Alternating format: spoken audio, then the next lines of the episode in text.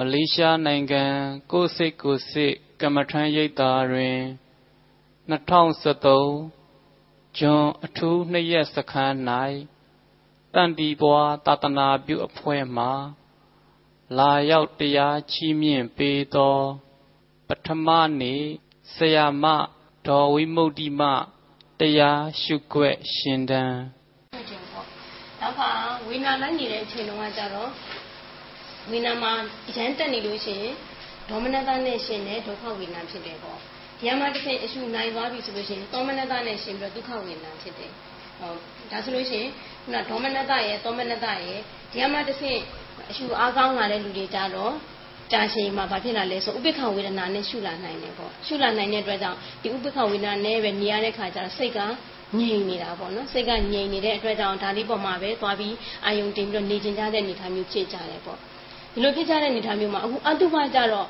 မရှုသေးနဲ့အခုကြည့်လိုက်ရင်ကိုယ်ပဲရုပ်လို့စိတ်ထဲမှာမျက်နှာတွေမှာဘလို့တွေဖြစ်နေလဲညလုံးကြည့်တဲ့အချိန်မှာရကုန်းကြီးကကြောဟုတ်တယ်မလားမျက်နှာကြီးကရှုံးဒါကြည့်တဲ့အချိန်မှာဖြစ်ပေါ်လာတဲ့စိတ်ရဲ့ဝိပကြောင့်မျက်နှာတွေမှာလာပြီးဟက်တာဒါဆိုရင်ရှုပြီဆိုရင်နော်ပူဆိုးတော့မှာပေါ့ခုနဆရာဝိနာတက်တင်နေတဲ့အချိန်မှာကာယတွေကိုထိန်ကာယတွေမပြတ်စေနဲ့ဆိုအတုပကြရင်တော့မရတော့ကာယတွေမပြတ်ဖ ೇನೆ ထိန်ထိုင်ရုပ်လို့ရှုပ်ကမပေါ်တော့သူ့သဘောလွှတ်မှာ哦 ဒီဘက်ကအရှုတင်မယ်ဒီဘက်ကဖောက်ပြန်လာတဲ့ဓာတ်ပေါ်မှာမိတို့ကခုနကတော့ဆရာလည်းပြောခဲ့ပါတယ်အတုပကဝေဒနာကကျတော့သူ့သဘောတိခန့်ပြီးလိုက်ပြီးရှုတာအတုပကကျတော့ငုံနေတဲ့အမှုတရားကိုဖော်ပြီးရှုကြမှာ哦 ရုပ်တော်ကကိုကိုကိုဥမာပေါ့တမာဒီလေးအားကောင်းနေလို့ရှိရင်ကိုမကြောက်တတ်ဘူးလို့ထင်နိုင်တယ်ဒါမှမဟုတ်တမာဒီလေးအားကောင်းနေတဲ့အတွက်ရင်ဆိုင်နိုင်မယ်လို့ထင်တာတကယ်တကယ်တော့ရင်ဆိုင်နိုင်မှုထိတ်လိုက်တွေ့လာပြီဆိုလို့ရှိရင်ကို့မှာအနုတ္တရကဝတ်နေတဲ့အတွက်ကြောင့်မသိတာအောင်အဲမသိတာတဲ့အနေထားမျိုးမှာဘာကြောင့်မသိတာလဲဆိုတာအနုတ္တရသဘောလေးရှင်းဖို့အတွက်ပေါ့နော်အောက်စာရွက်ကတော့နောက်မှဝေပြီးမယ်နော်ဒါလေးကိုနည်းနည်းလေးရှင်းပြပေးမယ်ပေါ့ရုပ်တော်ရဲ့စိတ်ကိုပေါ့နော်မိတွေ့ပြီးခုနကြောက်တဲ့စိတ်ဆိုလို့ရှိရင်ဘာလဲဆိုတော့ဒေါသနဲ့ရှင်တယ်ပေါ့ကြောက်တဲ့စိတ် ဒေါသကြောက်တဲ့စိတ်မှာကိုဘက်ကဒေါမနတနဲ့ရှင်တယ်ပြီးလို့ရှိရင်ဒေါသအကျဉ်းစားကြီးလည်းပါတယ်ပေါ့နော်ဒါကဒေါသနဲ့ပတ်သက်ပြီးပြီးတော့လောဘပြီးရင်မောဟမာနဆိုတာဘာဒီလဲဆိုရင်ကိလေသာတွေလို့လည်းခေါ်တယ်ပေါ့စိတ်အညစ်အကြေးတွေပေါ့ကိလေသာဆိုတာကအညစ်အကြေးပေါ့တနည်းအားဖြင့်ပြောရင်စိတ်ကိုမှီတွယ်ပြီးခြေလှယ်နေတဲ့စေတသိက်ညစ်ကြေးတော့တို့ပရမထတရားဘယ်နှပါရှိမလဲဆိုတော့ပရမထတရားဘယ်နှပါရှိမလဲ၄ပါးရှိမယ်ဘာတွေလဲဆိုရင် စိတ်စေတသိက်ယုံနိဗ္ဗာန်နော်စိတ်စေတသိက်ယုံနိဗ္ဗာန်အဲ့ဒီပရမတ္ထတရား၄ပါးမှာရုပ်တို့မျက်မှောက်ပြုချင်တာကဘယ်လိုမျက်မှောက်ပြုချင်တာလဲဆိုတော့နိဗ္ဗာန်နိဗ္ဗာန်မျက်မှောက်ပြုဖို့အတွက်ရုပ်တို့အရှုခံထားမှာဘာလို့ထားမှာလဲဆိုတော့ဒီဘက်ကပရမတ္ထတရား၃ပါးဖြစ်တဲ့စိတ်စေတသိက်ယုံယုံစိတ်စေတသိက်ယုံမှာယုတ်ကဘာဖြစ်တတ်တဲ့သဘောရှိလဲဆိုတော့ဖောက်ပြန်တတ်တဲ့သဘောရှိတယ်အဲ့ဒီဖောက်ပြန်တတ်တဲ့သဘောရှိတဲ့ယုတ်ရဲ့ပြီးရင်ဒီဘက်က စိတ်ဒီစေတသိက်နှစ်ခုကစိတ်နဲ့စေတသိက်မှာစိတ်ကိုမှီတွယ်ပြီးခြေလှယ်နေတဲ့စေတသိက်စေတသိက်ဆိုတာဘာလဲဆိုတော့စိတ်ကိုမှီတွယ်ပြီးခြေလှယ်နေတာကိုဘာလို့ခေါ်လိုက်လဲစေတသိက်စိတ်ဒီသိမှုသဘောလေးပဲရှိတယ်စိတ်ဒီသိမှုသဘောလေးပဲရှိတယ်အဲသိမှုသဘောလေးကို လောဘဖြစ်လိုက်အောင်ဒေါသဖြစ်လိုက်အောင်မောဟဖြစ်လိုက်အောင်ဆိုပြီးတော့မှီတွယ်ပြီးခြေနေနေကဘယ်သူကခြေနေတာလဲဆိုတော့စေတသိက်ကခြေနေတယ်ဒါဆိုရင်စိတ်နဲ့စေတသိက်ကိုပေါင်းပြီးဘာလို့ခေါ်လိုက်လဲဆိုတော့နံလို့ခေါ်လိုက်တယ်ဒါဆိုရုပ်လို့အရှုခံထားရမှာကရုံးနဲ့နံရုံးနဲ့နံပေါ့နော်ရုံးနဲ့နံကိုရှုခံထားရမယ် အဲ့ဒီအချိန်မှာဒီလိုမှီတွယ်ပြီးချိန်လည်နေတဲ့စေတသိက်တွေထဲမှာမှကုသိုလ်စေတသိက်ရှိမယ်အကုသိုလ်စေတသိက်ရှိမယ်အကုသိုလ်စေတသိက်ကိုကိလေသာလို့ခေါ်လိုက်တာအကုသိုလ်စေတသိက်ကိုကိလေသာလို့ခေါ်လိုက်တာစေတသိက်အညစ်အကြေးပေါ့ဒီကိလေသာအလုံးပေါင်းဘယ်နှပါးရှိလဲဆိုရင်14ပါးရှိတယ်ကိလေသာအလုံးပေါင်းဒီ14ပါးကိလေသာအလုံး14ပါးကိုခြုံကြည့်လိုက်မယ်ဆိုရင်တော့10ပါးပဲရှိမယ်ပေါ့ကိလေသာအလုံးချုပ်လိုက်လို့ရှိရင်10ပါး10ပါးကိုအတူလေးပေါ့ရုပ်တို့ အချိန်များမှာဆိုလို့နော်ဒီကက်ကလေးနောက်မှပဲဝေလိုက်တော့မယ်။ဒါဆိုရင်ကိလေသာ10ပါးကိုအတူမှတ်မယ်ဆိုလို့ရှိရင်လောဒေါမောမာဒီဆိုပြီးငါးလုံးလေးမှတ်ပြီးမယ်ပေါ့။လောဘဒေါသမောဟမာနာဒိဋ္ဌိဒီဘက်က၅မျိုးနော်။လောဒေါမောမာဒိပြီးလို့ရှိရင်ဝီထိအုပ်ဆိုပြီးနှလုံးမှတ်မယ်နော်။ဝီထိအုပ်ဝီဆိုတာကကြတော့ဝီစီကိစ္စထိထိနာထိနာပြီးတော့မှထိနာမှာမိတ္တနဲ့ပေါင်းလိုက်တယ်ပေါ့နော်။ အခုလောလောဆယ်တော့14ပါးတိုင်းရည်ကြည့်လိုက်မယ်ဆိုရင်ဝီထိအုပ်ဆိုတော့ဘက်ကဝီစီကိစ္စရဲ့ထိနာရဲ့ဥဒိစ္စရဲ့ပြီးရင်အနှလုံးလေးမှတ်လိုက်မယ်အနှလုံးဆိုရင်တော့အဟိရိကနဲ့အနုတ္တပါအနှလုံးကအာဟိတိပနဲ့အနုတ္တပနောက်ထပ်၄ခုလုံးကိုကြတော့ဣမကုမီဆိုပြီး၄လုံးမှတ်လိုက်မယ်ပေါ့နောက်ထပ်၄လုံးကဣမကုမီအိတ်ဆိုတာကအိတ်တာဣမဆိုတာကမစ္စတိယအိတ်တာနဲ့မစ္စတိယကကြတော့ဒေါသနဲ့သွားပေါင်းတယ် အိတ်တာနဲ့မစ္စတိယကဒေါသနဲ့သွားပေါင်းတယ်ပင်ထိဣမကုဆိုတာကကြတော့ပုဂ္ဂုဆပုဂ္ဂုဆကကြတော့ဥဒိစ္စနဲ့သွားပေါင်းတယ်ပြီးတော့မှနောက်ဆုံးကမိတ္တာကကြတော့ထိနာနဲ့သွားပေါင်းတော့ဒီလေးလုံးကအပေါ်မှာဒေါသနဲ့နှစ်လူမျိုးသွားပေါင်းတယ်ဥဒိစ္စမှာကုကုဆကသွားပေါင်းတယ်ထိနာမှာမိတ္တာကသွားပေါင်းတဲ့အတွက်ကြောင့်ဒီလေးလုံးကပြက်ပြီးတော့ကိလေသာ10ပါးလို့လည်းဒီလိုခေါ်ကြတယ်ပေါ့ဒါဆိုလို့ရှိရင်ခုယောဂတို့ချဲလဲနေတဲ့ဒီစိတ်တသိအညစ်အကြေးကိလေသာတွေဒီယောဂတို့တန်တရားလုံးမှာ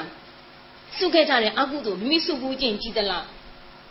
ဒေါသကြီးတဲ့လူတချို့ရှိတယ်တချို့ကြတော့လောဘကြီးတဲ့လူရှိတယ်ချို့ကြတော့မောဟကြီးတဲ့လူရှိတယ်ဆိုတော့အဲ့လိုမျိုးပုံမှန်တိုင်းမှာလူတိုင်းမှာတော့လောဘဒေါသမောဟဆိုတဲ့အကုသိုလ်စိတ်တသိက်ကရှိမယ်ဒီကိလေသာ10ပါးရှိမယ်ဒါပေမဲ့မိမိဘဝဆက်ဆက်မှာနှုံးထုံခဲ့တဲ့အပေါ်မှာမူတည်ပြီးတော့ဒေါသဆရာအားကြီးတာလောဘဆရာအားကြီးတာဆိုပြီးပွဲသွားကြတယ်ပေါ့ရှိတာကတော့ကိလေသာအကုန်လုံးရှိတယ်ဘာကြောင့်လဲဆိုတော့ဘာကြောင့်လဲ ပုထုဇဉ်တွေဖြစ်နေလို့เนาะပုထုဇဉ်တွေဖြစ်နေတဲ့အတွက်ကြောင့်ကိလေသာတွေကအပြည့်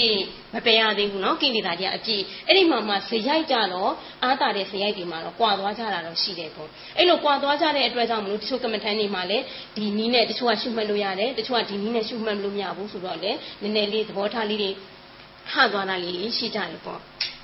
ဒါဆိုလို့ရှိရင်ယောဂတို့အခုဒီသဘောသိပြီဆိုလို့ရှိရင်အခုမိမိတို့ဒီဒီကိလေသာသားလေးယောဂတို့ထဲမှာငုံနေတဲ့ကိလေသာ10မျိုးကိုမှထပ်ပြီးထုံးလိုက်မယ်ဆိုရင်ကိလေသာ3အုပ်စုနဲ့ထပ်ပြီးထုံးလိုက်မယ်ကိလေသာဘယ်နှအုပ်စုလဲ3အုပ်စုအဲ့ဒီ3အုပ်စုကိုမှတ်ကြည့်မယ်ဆိုလို့ရှိရင်ဝိတိတ်ကမကိလေသာတဲ့ပထမကလဲဝိတိတ်ကမကိလေသာပြီးလို့ရှိရင်ဒုတိယကကြတော့ပရိယုဌာနာကိလေသာတတိယကအနုတယကိလေသာဆိုကိလေသာဘယ်နှအုပ်စုရှိမလဲ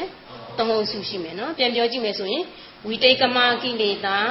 ပရိယုဌာနာကိလေသာအနုတအနုတယအနုတယကိလေသာဆိုပြီးသုံးအုပ်စုရှိမယ်ပေါ့ဒါကိုဆရာကတော့မှတ်လို့လွယ်အောင်မှတ်မယ်ဆိုဒီဇာတ်လေးမှာပြမှာကြတော့အုပ်စုရဲ့ဖော်ပြချက်ရဲ့အလွယ်မှတ်ရဲ့ဥပမာပေးရဲ့ဆေးရဲ့ဆိုပြီးတော့ဒီအနုတယဒီကိလေသာသုံးသုံးအုပ်စုကိုရုပ်ရိုးတန်တန်မှာဘလို့ပေါ်နေလဲဆိုတာလေးကိုဒီဇာတ်လေးထုတ်ပြီးထားတယ်ပေါ့ဒါကိုပြန်ပြောကြည့်မယ်ဆိုလို့ရှိရင်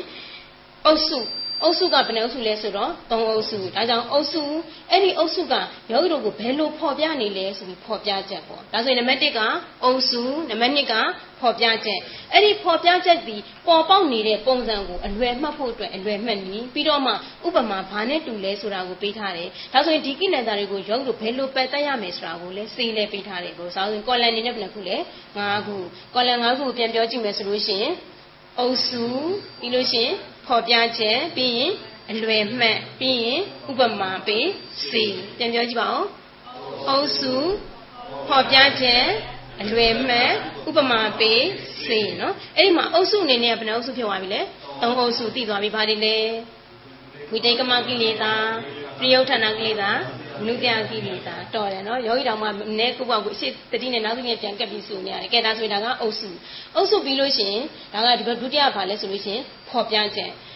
အဲ့ဒီမှာဝိတိတ်ကမကိလေသာကဘယ်လိုဖော်ပြလဲဆိုရင်ယောဂီတို့ရဲ့တန်တန်မှာယောဂီတို့ရဲ့ပေါ့နော်မိမိတို့ကိုဖော်ပြနေတာကကာယကံနဲ့ဝစီကံမှာဖော်ပြတယ်အကျဉ်းဖော်ပြကြတယ်ကာယကံနဲ့ဝစီကံကနေပြီးဖော်ပြကြတယ်ပေါ့ဝိတိတ်ကမကိလေသာကဘာနဲ့ဖော်ပြလဲဆိုရင် ကာယကံနဲ့ဝစီကံကဖော်ပြတယ်။ဒါရောက်လို့မကျင်တတ်ဘူးဆိုလို့ရှိရင်လက်ခုနဟိုဘက်ကလည်းရောက်လို့ပုံကြည့်ပြီးဒီပုံကိုရောက်လို့မကြိုက်ဘူးဆိုလို့ရှိရင်မျက်နှာတွေးဖြစ်သွားလဲ။ အဲကာယနဲ့ဖော်ပြလိုက်တာပြီးဟင်းဆိုရင်ဘာနဲ့ဖော်ပြလိုက်လဲဝစီနဲ့ဖော်ပြလိုက်တယ်ပေါ့ဒါကကြတော့ဒါအနုစာလေးတွေပေါ့အနုစာဆိုတာကာယကံနဲ့ဝစီကံဖော်ပြတာမှာဒါတိမ်မှုတယ်ပေါ့ရက်ွက်ထဲမှာဒေါသဖြစ်ပြီးဟေးလောဘတက်ပြီးဟေးဆိုလို့ရှိရင်ကာယကံနဲ့ဝစီကံမပေါ်လွင်ဘူးလားပေါ်လွင်တယ်ပေါ့ဒါကိုဝိတိတ်ကမကိလေသာလို့ခေါ်တယ်အဲ့တော့ရက်ွက်ထဲမှာဖြစ်နေတဲ့ဝိတိတ်ကမကိလေသာကဘလောက်တောင်မှလဲဘလို့မျိုးပေါ်လွင်သွားလဲဆိုသူ့အကျန်းစားကျူးလွန်မှုကြီးဖြစ်နေအလွယ်မှတ်လိုက်မယ်ဒါဆိုရင်ကာယကံနဲ့ဝစီကံကဘလို့ကျူးလွန်တာလဲဆိုရင် အကျန်းစားကျူးလွန်တယ်ဒါကကြတော့အလွယ်မှတ်တဲ့နည်းပေါ့ဒါဆိုရင်အုပ်စုကဝိတေကမကိလေသာဝိတေကမကိလေသာမှာဖော်ပြတာကဘလို့ဖော်ပြလဲဆိုရင်ကာယကံနဲ့ဝစီကံကဖော်ပြတယ်ဒါကိုအလွယ်မှတ်မယ်ဆိုလို့ရှိရင်အကျန်းစားကျူးလွန်မှုကြီးလို့မှတ်လိုက်မယ်ဘယ်လိုမှတ်မလဲအကျန်းစားကျူးလွန်မှုကြီးအကျန်းစားကျူးလွန်မှုကြီးဒီဘာနဲ့တူလဲဆိုလို့ရှိရင်ငွေဖားကိုမြူတာနဲ့တူတယ်အကျန်းစားကျူးလွန်မှုကြီးကငွေပြီးဖားကိုမြူတာနဲ့တူတယ်ရုပ်တို့ဒေါသထွက်ပြီဆိုလို့ရှိရင်ဒေါသထွက်တဲ့အချိန်မှာစွဲရင် ယောဂီတို့ပြန်လိုက်သွားလားဟာပို့ပြီးတော့ဆိုကြဆွဲနေပို့ပြီးတော့ဆွပေးတယ်လို့ပဲဖြစ်တယ်မလားဆရာပြောတယ်လို့ပြောတော့ဗာလဲဟိုလောင်စာတွေထည့်ပြီးလိုက်တယ်လို့တော့မဖြစ်သွားအောင်လား အဲရောက်တော့ဆွဲတဲ့ဆွဲတဲ့လူရှိနေလေအာငါ့ကိုမဆွဲနဲ့ဆိုကွာဒေါသလေဆွဲတဲ့လူမရှိဘူးဆိုလို့ရှိရင်လူတွေဒီလောက်တုံးမှာမဟုတ်ဘူးဆွဲတဲ့လူရှိလေဟိုဘက်ကရန်ဖြစ်ဖို့အတွက်ကိုအခုရန်ဖြစ်ကြိုက်သွားဝုံတိုင်းနဲ့ဆွဲကြပြီးဟင်းဆိုပို့ဖြစ်ကြတယ်ပေါ့မဆွဲရင်အော်ငါ့ကိုဆွဲမဲ့သူမရှိဘူးဆိုတဲ့အခါအရှင်ကရော့သွားတာပေါ့နော်ဒီသဘောမျိုးပေါ့အဲ့တော့ဒီဘက်မှာကျရင်မွေဖားမြူတာကကြောင့်မွေကရုံလို့ဒီရိတ်တာမှာဆိုလို့ရှိရင်တခါမိုးတွင်းဘက်တွေဆိုလို့ရှိရင်ရှိတယ်ပေါ့မွေကအဲ့ဒီပုံမှန်တိုင်းဆိုလို့ရှိရင်ခြေတန်ကြားတာနဲ့မွေတွေလှစ်လှစ်လှစ်ဆိုပြေးသွားတာမရှိတော့ဘူး အဲ့ရေချိုးခန်းထဲမှာတခါမွေရဖားကိုမြူထားလိုက်တဲ့အချိန်မှာကျတော့လုံးဝမလွတ်ဘူးသူ့အသက်ကိုတင်တင်ပြိစေရရင်လည်းသူအသေးခံလိုက်မယ်အဲ့ဒီဖားကိုလုံးဝမလွတ်ထားအောင်ပုံမှန်ဆိုရင်လူခြေတခြေတန်လေးကြားတာနဲ့ကိုပြေးသွားတဲ့မွေရခုနကတော့သူ့ရဲ့ဒီအစာပေါ့နော်အစာသူ့ရဲ့ဒီဒီအစာတစ်ခုကိုရထားပြီဆိုတဲ့အခါကျတော့အသက်ကိုသာဘာဖြစ်လဲအသေးခံသွားတယ်ဒါဆိုယောဂီတို့ရောဒီလိုပဲမဟုတ်ဘူးလား ဘယ်လောက်ပဲကိုကမှနှလုံးယောဂပဲရှိပါပြီသွေးတိုးယောဂပဲဖြစ်ပါစေသွေးတိုးယောဂရှိတယ်ဆိုလို့ရှိရင်နှလုံးယောဂရှိတယ်ဆိုလို့ရှိရင်ဒေါသစိတ်မကောင်းကြတယ်အရင်ကြုံလို့မဖြစ်ဘူး ဒါဆိုလို့ရှိရင်စိတ်မကောင်းစရာအရန်ကြုံလို့မဖြစ်ဘူးဆိုကိုတရားကလားဆိုကိုမှဒီယောဂရှိတယ်ဆိုပို့ပြီးတော့ဒီတရားနဲ့ကြိုပြီးကုစားဖို့မရဘူးလားရတယ်ဒါပေမဲ့လို့တရားနဲ့ကြိုမကုစားပဲနဲ့ဒီယောဂကြီးကိုတစ်ခုကဘာဖြစ်သွားလဲငါမှနှလုံးယောဂရှိတယ်နော်အဲဒါဖာလဲယောဂလို့တစားတစားတစားလောက်လိုက်တာပေါ့နော်ငါမှပိတုယောဂရှိတယ်နော်ဆိုတော့အဲဒီလိုရှိတဲ့ယောဂကပို့ပို့ပြီးတော့တစ်ခုခုဆိုလို့ရှိရင်တတိကရမယ်အစားပို့ပို့ပြီးလွတ်လိုက်ကြတယ်ပေါ့ ပူပူပြီးလွတ်လိုက်ကြလို့ယောဂကပူပူဆိုးသွားတယ်။ဘာလို့လဲဆိုတော့ငါမှသွေးတိုးယောဂနည်းနည်းလေးရှိအောင်များများရှိတယ်လို့လုပ်ကြတော့ ပြညက်သွားရဓာတ်သက်ပါပြီးတော့အရန်ယောဂကြီးသွားတဲ့အနေအထားမျိုးတွေလည်းဖြစ်ရင်ဖြစ်သွားမှာပေါ့နော်။ကဲဒါကကျတော့မိတွေဥပဒံပေါ့။ဥပဒံအစွဲကြီးနေလေဥပဒံကြောင့်ဥပရောက်သွားကြတာပေါ့ဒီသဘောမျိုးပေါ့။ခုနမွေရလေဥပဒံပေါ့။အစွဲကြီးဒီဖားကိုမလွတ်ဘူးအသက်နဲ့ရင်တလို့ပဲ။ယောဂလူကလည်းအခုဒီဘက်ခင်မှာစီးပွားရှာကြတဲ့အခါမှာလေမိမိတို့တခဏတာပေါ့နော်။နေရမယ့်လူဘဝမှာရက်တည်ထားတဲ့အခါမှာအသက်တွေနဲ့ရင်းပြီးရက်တည်ကြရတယ်။လောဘတွေဒေါသတွေနဲ့ပေါ့နော်။ရှင်ပြီးရက်တည်ကြရတယ်ပေါ့။ဒါကကျတော့ဒီကျမ်းစာကျူးလွန်မှုကြီးမှာဒီဘက်ကမွေဖားမြူတာနဲ့ဘုရားရှင်ကတော့ဥပမာပေးထားတယ်ပေါ့။အဲ့တော့အဲ့ဒီမွေဖားမြူတာနဲ့ဥပမာပေးထားပြီးဒါဆိုလို့ရှိရင်မိတို့တွေကဒီအကျမ်းစာကြီးကိုမလုပ်ကြမလဲပယ်တတ်ကြမယ်ပေါ့ပယ်တတ်ကြမယ်ဆိုဒီကျမ်းစာကိုပယ်တတ်ဖို့အတွက်ကရုပ်တို့အခုဆိုဘယ်လာလိုက်လဲအဲရေးသားလာရိုက်တယ်ကိုစိတ်ကိုစိတ်သိမ်းမှုတပိုင်းမျိုးရောက်လာပြီဆိုတော့ရက်ွက်ထဲမှာနေတာနဲ့အခုဒီကိုနေတာနဲ့ကာယကံချင်းတူသေးလားဝစီကံချင်းရောဒါဆိုလို့ရှိရင်ဘာလုပ်လိုက်တာလဲ အဲကာယကံနဲ့ဝစီကံကိုတီလာနဲ့ထိန်းထားလိုက်ကြတာဟုတ်တယ်နော်အဲဒါကကြတော့ပထမတစ်ကြောင်းမှာဝိတေကမကိလေသာပြီးတော့ဒုတိယကကြတော့ပရိယုဌာဏကိလေသာပရိယုဌာဏကိလေသာမှာအုပ်စုအနေနဲ့ပရိယုဌာဏကိလေသာဖော်ပြတာကဘလို့ဖော်ပြလဲဆိုလို့ရှိရင်မနောကံကနေထထွကြွမှုကြီးအနေနဲ့ဖော်ပြတယ်ဘယ်မှာဖော်ပြတာလဲမနောကံမှာဘလို့ဖော်ပြတာလဲဆိုထကြွပြီးဖော်ပြတာချိန်လိုက်လို့ရှိရင်တော့မျက်နှာလေးကဘာဖြစ်နေလဲပြုံးရင်ပြုံးနေမယ်စိတ်ထဲမှာတော့ ဟင်းတော့ငါတကွေးရောက်တော့သိမယ်အဲဟုတ်တယ်မလားစိတ်ထဲမှာမဖြစ်နေတာလေထားကြွနေတာပေါ့ဒီသဘောမျိုးပေါ့ဒါကကြတော့မနောကံကနေပြီးတော့ထားကြွတယ်ထားကြွမှုကြီးဒါကိုကြတော့အလက်စားလို့ခေါ်တယ်ပေါ့ခုနကတော့အကျဉ်းစားကျူးလွန်မှုကြီးအခုကကြတော့အလက်စားထားကြွမှုကြီးအတန်းစားကျူးလွန်မှုကြီးအခုကအလက်စားထကြွမှုကြီးကဲလက်စားထကြွမှုကဘာနဲ့တူလဲဆိုလို့ရှိရင်မွေအိတ်နေတာနဲ့တူတယ်တဲ့။ အော်မွေပပြင်းထောင်တာနဲ့တူတူတူတူတူတူတယ်။မွေပပြင်းထောင်တာနဲ့တူတယ်။ဒါဆိုရှင်စိတ်ထဲမှာထကြွနေတဲ့အတွက်ကြောင့်အဲကိုယ့်ရဲ့ကိုကိုယ့်ရဲ့ပေါ့မန်လေးပေါ့ကိုမန်ကိုအရှိန်ရှိသလားပေါ့မွေရလည်းမွေရဲ့သူ့ရဲ့ပခြင်းလေးထောင်နေတယ်လို့မျိုးကိုမန်ကိုအရှိန်လောဘဆိုလဲလောဘဒေါသဆိုလဲဒေါသအရှိန်ပေါ့နော်ဒီအရှိန်ကစိတ်ထဲမှာထကြွနေတဲ့သဘောကမွေပပြင်းထောင်တာနဲ့တူပါတယ်ဒီမွေပပြင်းထောင်နဲ့ပေါ့နော်ဒီမနောကံထကြွမှုကြီးကိုစေးကကြတော့ဘာစေးတောက်မလဲဆိုတော့ရောင်းတို့ဝေဒနာတက်လာပြီဆိုပါဖြစ်နေ မခံချင်ဘူးမလားမခံချင်တဲ့အခါကျတော့ရှူရင်းနဲ့တမာတိကိုထူထောင်တယ်အဲဒီလိုအရှူအဆန်ရသွားပြီးတဲ့ယောဂီတွေကြပြန်တော့လေဝေနာတက်လာတဲ့အချိန်မှာမလုပ်လိုက်လေချစ်စိတ်ကမခံချင်တဲ့စိတ်နောက်စိတ်ကမလုပ်လေလိုက်ပြီးတဲ့စိတ်နဲ့တီးတယ်တီးတယ်တီးတယ်နာရီတော်တီးတီးတီးတီးဆိုတော့ဒါထဲမှာငါနာတယ်ဆိုတဲ့အတိမဝင်လာဖို့အတွက်ချစ်စိတ်ကနာတာကိုတီးတဲ့စိတ်နောက်စိတ်ကဥပါဒံမဝင်လာဖို့အတွက်တီးတီးတီးတီးတီးတီးတီးဆိုအတိလေးတစ်လုံးနဲ့လိုက်ပြီးပုံနေတာ ဟုတ်လားဘာနဲ့လိုက်အောင်တာလဲအတိတလုံးနဲ့လိုက်အောင်နေတာဒီအချိန်မှာရုံဏန်တို့ကိုတင်းဆဲတယ်လို့နေဆိုတဲ့နေရာမျိုးမှာပေါ့တင်းဆရာတော်ဖျားရတော့ဝေဒနာဆိုပြီးတင်းဆဲခိုင်းနေပေါ့ကျင်လဲဝေဒနာထုံရင်လဲဝေဒနာနာရင်လဲဝေဒနာကန့်ရင်လဲပူရင်လဲတင်းရင်လဲကြားရင်လဲ အဲဆရာတော်ကြီးကပြောတယ်လေဖတ်သားကြောင့်လဲနာယုတ်ထင်ဝေဒနာကြောင့်လဲနာယုတ်ထင်ဆိုတော့အဲ့မှာဒီဝေဒနာခံလိုက်ဒီရုပ်ဖောက်ပြန်ပေါ့နော်ရုပ်ရုပ်ချင်းဖောက်ပြန်လို့ဖြစ်ပြီနာငါသွားခံစားလိုက်တဲ့အချိန်မှာဘာဖြစ်လဲဝေဒနာဆိုပြီးတော့ဝေဒနာကိုကူးသွားပြီအဲ့အချိန်မှာကျင်လဲဝေနာထွင်ဝေနာကိုက်လဲဝေနာဆိုဘုံစာခွဲစကိနဲ့ဝေဒနာလို့တင်ညာတင်ညာတစ်ခုပေါ့နော် အတိလေးနဲ့ပြောင်းခိုင်းတယ်ပေါ့ဒီလိုပြောင်းခိုင်းရမှာတစင်အဲ့ဒီလိုမျိုးတင်ညာပေးပြီးတော့ဝေနာဝေနာတင်လဲဝေနာဆိုတော့ခုနလူရုံးတို့ဒီတချို့တချို့သမီးတွေမဟာစင်ဒီမှာရှုခဲ့ဘူးတယ်လို့ခုနတော့ပေါ့နော်ဓမ္မတာကိစ္စဆွေးနွေးနေပေါ့အနည်းတွေအကလုံးလုံးကတော့ဒီခုနတင်ညာတစ်ခုပေးနေတာဒီဘာကြောင့်လဲဆိုစိတ်ဒီအာယုံတစ်ပါးလွင့်မသွားဘူး စိတ်အာရုံတစ်ပါးလွင့်မသွားဖို့အတွက်နာရင်နာတဲ့ပေါ်လေးပေါ်မှာကျင်ကျင်တဲ့လေပေါ်လေးပေါ်မှာပဲသူ့အလုပ်ကိုသိနိုင်ဖို့အတွက်စိတ်ကိုတည်တည်ငြိမ်ငြိမ်ကြည့်နိုင်ဖို့အတွက်တင်ညာတစ်ခုပေးပြီးတော့အာယုံတစ်ခုမှာဆူဆိုင်ထားတာဒီဆူဆိုင်တာဒီဘာလဲဆိုဒီရုံနံကိုတင်ညာနဲ့တင်ဆဲနေတာတင်ညာနဲ့တင်ဆဲမှုကနေပြီးတော့မှတစင်တကယ်ရုံနံနိုးရဲ့သဘောကိုခံစားမိသွားတဲ့အချိန်မှာတင်ညာကပြုတ်သွားပြီ မြတ်စွာဘုရားရှင်လည်းဟောထားတာဒါကိုတင်ညာသည်ပွားရင်းကြောင့်တင်ညာဖြစ်ပေါ်တယ်ပွားခြင်းကြောင့်ပဲတင်ညာသည်ပယ်ပါတယ်တဲ့ပယ်တဲ့အချိန်မှာဘာဖြစ်သွားလဲလိုက်ခံစားတဲ့စိတ်လေးဖြစ်သွားပြီဒါဆိုခံစားမှုတဲ့ရုံနံတို့ကိုတင်ဆဲလိုက်ပြီပေါ့ ဒီချိန်မှာဆရာကကြတော့ခံစားမှုနဲ့တင်ဆက်တဲ့အခါမှာလိုက်ပြီးသိခိုင်းလိုက်တာတိတိတိတိတိတိတိတိနဲ့ကတင်ညာတစ်ခုပေးစရာမလိုတော့ဘဲနဲ့လိုက်ပြီးခံစားနေလိုက်တယ်ပေါ့ဒီလိုလိုက်ပြီးခံစားနေတဲ့အချိန်မျိုးမှာရုပ်တို့ဒေါသဆိုတာဝင်လာတော့ဘူးလောဘဆိုတာလည်းဝင်လာတော့ဘူးအရှုခံနဲ့ရှုညံဘာဖြစ်နေလဲမှန်ပြီးတစ်ထက်တည်းကြာနေတိစရာနဲ့တိစိတ်တိစရာနဲ့တိစိတ်တစ်ထက်တည်းကြာနေတဲ့အတွက်ကြောင့်ဒါဒီလဲဘာလဲဆိုလို့ရှိရင်စိတ်ကနေလိုက်ပြီးအုပ်နေတာဖြစ်တဲ့အတွက်ဘာလဲသမထအိပ်အုပ်နေတာအဲဒါကြောင့်ပြန်ပြောမယ်ဆိုလို့ရှိရင်ဒီဘက်ကကြတော့ ပရိယုဌာဏကိလေသာအုပ်စုအနေနဲ့ဟာပရိယုဌာဏကိလေသာပရိယုဌာဏကိလေသာမှာဖော်ပြတာကမနောကံကနေပြီးတော့ထားကြွမှုကြီးအနေနဲ့ဖော်ပြတယ်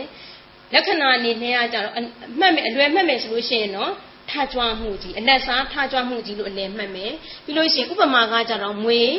ပပြင်းထောင်တာနဲ့တူတယ်သူ့ကိုဆေးပေးမယ်ဆိုလို့ရှိရင်တော့တမထာတမတမာတိနဲ့ထိမ့်မယ်ပေါ့နော်တမာတိနဲ့အုပ်တယ်ပေါ့ဟိုကအကျန်းစားကကြတော့တီလာနဲ့ထိမ့်မယ် အလက်စားကိုကြတော့တမာတိနဲ့အုပ်ထားမယ်ဟောပြီးတော့အနုတယနောက်ဆုံးအုပ်စုကပါလေအနုတယကိလေသာအနုတယကိလေသာကိုကြတော့ဖော်ပြတာကဘာနဲ့ဖော်ပြလဲဆိုရင်ရုပ်တို့ဒီမှာကတော့အကြောင်းတိုက်ဆိုင်မှာပေါ်တယ်ဆိုတာကသဘောလို့ပြောပြတာသူကဖော်ပြတာဆိုဖော်ပြချက်အနေနဲ့ရုပ်တို့ရဲ့အနေထားမှာမရှိဘူးဒါကြောင့်သူ့ဘေးနားမှာစသားလေးပြထားတာကဥပတ္ထိပင်ဆိုတဲ့သီးခြားစေတသိက်အနေနဲ့ဖော်ပြခြင်းမဟုတ်ဘူးဒါပေမဲ့မိမိတို့ရဲ့ရုပ်တို့ရဲ့စိတ်တန်တန်အစင်မှာ စွဲနေအောင်းနေဝတ်နေကိန်းနေတဲ့ကိန်းမှုကြီးရုပ်တွေတန်တန်အစင်မှာဘယ်မှာလဲရုပ်တွေစိတ်တန်တန်အစင်မှာဘာဖြစ်နေတာလဲကိန်းနေတာဝတ်နေတာအောင်းနေတာဖြစ်တဲ့အတွက်ဒီနုတကရုပ်တို့ကအနုပြရှိလို့ရှိမှမသိဘူးပေါ့နုပြရှိလို့ပုထုဇဉ်မှန်တော့အနုပြကရှိနေမယ် သောတာပန်တခါကအနာဂံလို့ပြင်းမြတ်တက်ထားတဲ့အရိယာအစင်စင်နာမှာတော့မှတဆင့်ချင်းတဆင့်ပြီးတော့မှဒီနုတရားတွေကိုခွဲပြီးပြင်တာဖြစ်ပါတယ်။ဒါကြောင့်မလို့မိမိတို့တွေကဒီနုတရားကရှိနေတယ်ရှိနေတဲ့နုတရားကပေါ်လာတဲ့အချိန်ပေါ့အကြောင်းတိုက်ဆိုင်တဲ့အချိန်မှာပေါ်လာတယ်။အဲ့ဒီပေါ်လာပြီဆိုရင်ဘာဖြစ်သွားပြီလဲဆိုတော့ဝိတိတ်ကမဖြစ်သွားပြီ။ပေါ်လာပြီဆိုတော့ဖြစ်သွားပြီလေမနောကံကနေတော့ထကြွသွားပြီဝိတိတ်ကမဖြစ်သွားပြီအဲ့ဒီမနောကံမထကြွခင်အထိလုံတို့ကရေတန်တန်အချိန်မှာပဲဘာဖြစ်နေတာလဲ ကိန်းနေဝတ်နေအောင်းနေတဲ့ကိန်းဝတ်မှုကြီးဒါဆိုရင်အဲ့ဒီကိန်းဝတ်မှုကြီးကိုရုပ်တော့ဘာလုပ်ပြီးတော့ပယ်ရမှာလဲဆိုတော့ဖော်ပြီးတော့ပယ်ရမှာသဘောပေါက်လားမသိဘူးနော်ဖော်ပြီးတော့ပယ်ကြရမှာဒါကြောင့်မလို့အနုတယောကိလေသာသည်ဘာမှလဲဆိုလို့ရှိရင်မိမိတို့တန်တန်အစင်မှာကိန်းဝတ်အောင်းနေတယ်အဲ့ဒီအောင်းနေတဲ့အတွက်ကြောင့်မလို့အလွယ်မှတ်မယ်ဆိုလို့ရှိရင်တော့အနုစားပေါ့နော်အလွယ်မှတ်မယ်ဆိုလို့ရှိရင်တော့ကိန်းဝတ်မှုအနုစားကိန်းဝတ်မှုကြီးလို့အလွယ်မှတ်မယ်အလွယ်မှတ်မယ်ဆိုရင် အနုစားကဲဝတ်မှုကြီးလို့အလွယ်မှတ်မယ်သူဒီဘာနဲ့တူလဲဆိုတော့မွေအိတ်နေတာနဲ့တူတယ်ဘာနဲ့တူလဲမွေအိတ်နေတာနဲ့တူတယ်မွေအိတ်နေတဲ့အတွက်ဒီမွေဒီမပေါက်တော့ဘူးလားသူ့ကိုသွားထင်နော်ပေါက်မှာပေါ့သူ့ကိုမထိသေးသေးသူဘာဖြစ်နေမှာလဲ အိမ်နေမှာဒီသဘောမျိုးပေါ့ရုပ်တွေတန်တန်စင်မှာကိန်းဖို့အောင်းနေတယ်အကြောင်းမတိုက်ဆိုင်တဲ့ချိန်မှာတော့သူမဖော်ပြအောင်အကြောင်းတိုက်ဆိုင်တဲ့အချိန်မှာတော့သူဒီဖော်ပြမယ်ဒါကြောင့်မလို့ဒီကိန်းဖို့ကြီးကိုရုပ်တွေကဘာနဲ့ပယ်မှာလဲဆိုတော့မက်ပညာနဲ့ပယ်ရမှာဖြစ်ပါတယ်ဘာနဲ့ပယ်ရမှာလဲမက်ပညာနဲ့ပယ်ရမယ်ဒါဆိုလို့ရှိရင်ဒီအုပ်စု၅စုလေးကိုပြန်ပြောမယ်နော်ပထမဆုံးကကြတော့ဝိတေကမကိလေသာဒုတိယကကြတော့ပရိယုဌာဏကိလေသာတတိယကအနုပြကိလေသာဒါက အုပ်စုပြီးရင်ဖော်ပြချက်ကလည်းပြန်ပြောမယ်ဆိုလို့ရှိရင်ဝိတိတ်ကမကဘာနဲ့ဖော်ပြလဲကာယကံနဲ့ဝစီကံနဲ့ဖော်ပြတယ်ပြီးရင်ပြိယုဌာဏကကြတော့မနောကံကထကြွမှုကြီးမနောကံကထကြွတယ်ပြီးလို့ရှိရင်အနုတယကကြတော့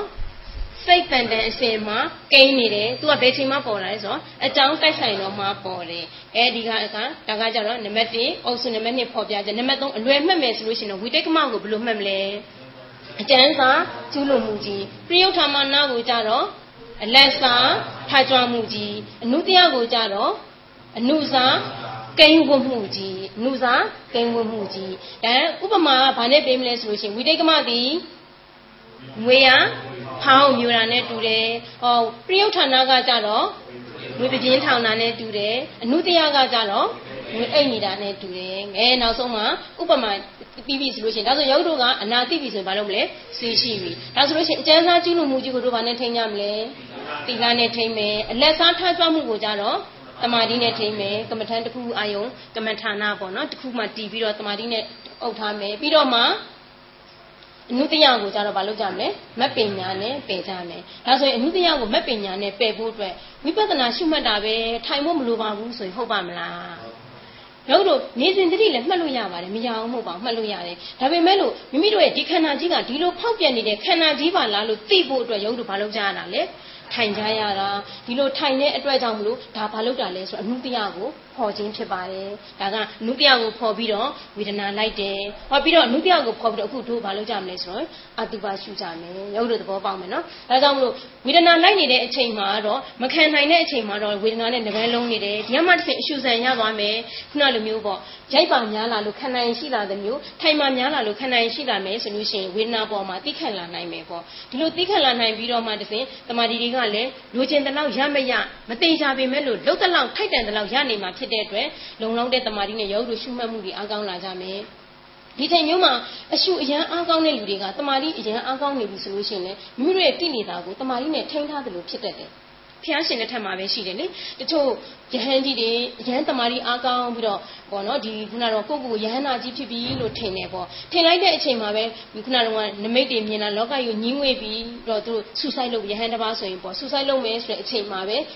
ဒီခုနလေဘင်းကိုဖျက်လိုက်တဲ့အချိန်မှာပဲနမိတ်ကိုသွားမြင်လိုက်တော့နတ်ပြည်နမိတ်မြင်တဲ့ကဟာငါယဟန်နာမဟုတ်သေးဘူးဆိုတော့ချက်ချင်းပါလို့လိုက်လေ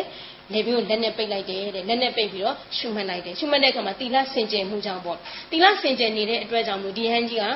သီလစင်ကြယ်မှုကိုပီတိပေါ့အရှုခံယူပြီးတော့မှရှုမလိုက်တယ်ဆိုရင်ပဲချက်ချင်းယဟနာဖြစ်သွားတယ်သီလသမารီအားကောင်းထားတာ哦ဒါကြောင့်မိတို့ကသီလသမารီအားကောင်းနေတဲ့သမထအစွမ်းအားကောင်းနေတဲ့အတွက်ကြောင့်ကိလေသာမပေါ်တဲ့အခါမျိုးမှာမိတို့ကမျိုးယဟနာကြီးလို့ထင်နေတတ်တယ်တမာရီနဲ့ဖိထားတယ်လို့ဖြစ်တာ哦 ဒါကြောင့်ဒီအတုပရှုခွက်ကကြတော့တမာရီဒီခုနတော့မိမိတို့မှာရှိတဲ့နုပြကိလေသာကိုဖော်ပြီးရှုတာပေါ့ဖော်ပြီးရှုတဲ့အတွက်ကြောင့်မလို့လောလောဆယ်တော့ဘာဖြစ်မလဲဆိုတော့ပင်မလိမ့်မယ်နည်းနည်းစိတ်ပေါ့ဟိုဝေဒနာလိုက်ရတယ်လို့မျိုးတော့မဟုတ်ဘူးဝေဒနာလိုက်လို့အရှုစံလေးရသွားပြီဆိုရင်ဒုက္ခဝေဒနာနဲ့ဖြစ်နေကြမယ်စိတ်ကလေးငြိမ်းချမ်းနေမယ်ဒါမှမဟုတ်ရှင်တည်ငြိမ်လေးဖြစ်နေမယ်ပေါ့အတုပကြတော့မဟုတ်ဘူးအတုပဆံရဖို့အတွက်ကြတော့ယောဂတို့ကရိုးရှားရှားကိုတွေးပြီးတော့ကိုရှုနေရမှာနှလုံးသွင်းနေရမှာညိုညင်နေရမှာအပြစ်မြင်နေရမှာဖြစ်တဲ့အတွက်စိတ်ကတော့ပင်ပန်းတာပေါ့ ယောဂကတော့နမူနာဘာနဲ့ဥပမာပေးလဲဆိုရင်ယောဂတို့အရန်ညစ်ပတ်နေတဲ့ရေကန်ကြီးတစ်ကန်ရှိမယ်ပေါ့အဲ့ဒီညစ်ပတ်ညစ်ပတ်နေတဲ့ရေကန်ကြီးတစ်ကန်ကိုယောဂတို့ကစေးကျင်တယ်ဆိုလို့ရှိရင်ဖွင့်လိုက်မယ်ဖွင့်လိုက်ရင်ဘာပဲထွက်မလဲအညစ်အကြေးတွေထွက်ပါမလားမထွက်ဘူးမထွက်ဘူးဆိုတော့ဘာလုပ်ရတော့မလဲအဲ့ဒီကြံကန်ကြီးကိုကြမ်းကြမ်းတိုက်ကြမ်းကြမ်း bless တွေနဲ့ကြမ်းကြမ်းတိုက်အညစ်အကြေးတွေအကုန်လုံးကြမ်းကြမ်းတိုက်ကြမ်းကြမ်းဘေးနဲ့ပြောင်းရင်းဆန်ခန့်အောင်တိုက်ပြီးတော့မှအဖုံးကိုဖွင့်လိုက်မယ်ဆိုလို့ရှိရင် အမိုက်တရောရှိတရောဒလောထွက်သွားမယ်ဒီသဘောမျိုးပေါ့တို့တို့ဒီဝေနာလိုက်တဲ့အချိန်မှာလဲဟိုအရင်တော့ဆိုလို့ရှိရင်ရှိတယ်တချို့တွေဆိုလို့ရှိရင်အဲဆိုယောဂီနဲ့တော့နည်းနည်းသက်ဆိုင်သွားမယ်နော်စောင်းပြောခြင်းမဟုတ်ပါနော်အဲဆက်ဆက်ချင်းလာတဲ့ယောဂီတွေဆိုလို့ရှိရင်အရှုဆန်တင်ပေးတယ်ဆိုတာလေဒါကျန်းကျန်းရှုခိုင်းတယ်ဆိုတာလေဒီသဘောပါ ရုပ်ရောကတတညာလုံးကိလေသာတွေမှုန်းထုံခဲ့ပြီဒီချိန်မှာရိုးရိုးလာထိုင်နေရင်တော့သိပါလိမ့်မယ်မသိဘူးမဟုတ်ဘူးဒါပေမဲ့ဒါပါသိလဲဆိုရိုးသေးကြရင်ကြာမှန်းသိမယ်နာရင်နာမှန်းသိမယ်အဲ့ဒီပေါ်မှာလုံလောက်တဲ့တမာရီမရှိတော့ရိုးရိုးသိပဲဖြစ်မှာပေါ့ဒါကြောင့်လုံလောက်တဲ့တမာရီရှိဖို့အတွက်ဆက်စချင်းပါလို့လိုက်တာလေအရှုကိုတင်ပြီးတော့တမာရီဆန်ယူခိုင်းလိုက်တယ်ဒီမှာတစ်ဆင့်အရှုအားကောင်းသွားပြီဆိုတော့မှဝေဒနာလိုက်ဖို့အတွက်ဆရာကြီးကညွှန်ကြားတယ်ဒီသဘောမျိုးပေါ့နော်ဒါကြောင့်မလို့အရှုကိုလေဖြစ်နိုင်လို့ရှိရင်ပြန်ကြိုးစားပေးပါလို့နော်ဒီလိုမျိုးပါပဲအခုအတုပါလေ စားဖော်ခါစားမှာတော့ဆက်ဆုပ်ဆရာကြီးရွှန်းရှာဆရာကြီးမလို့ချင်းတရားမရှိတင့်တယ်ဆရာတခုမှမရှိတဲ့အတုပခန္ဓာကြီးတိုင်းဘိုင်း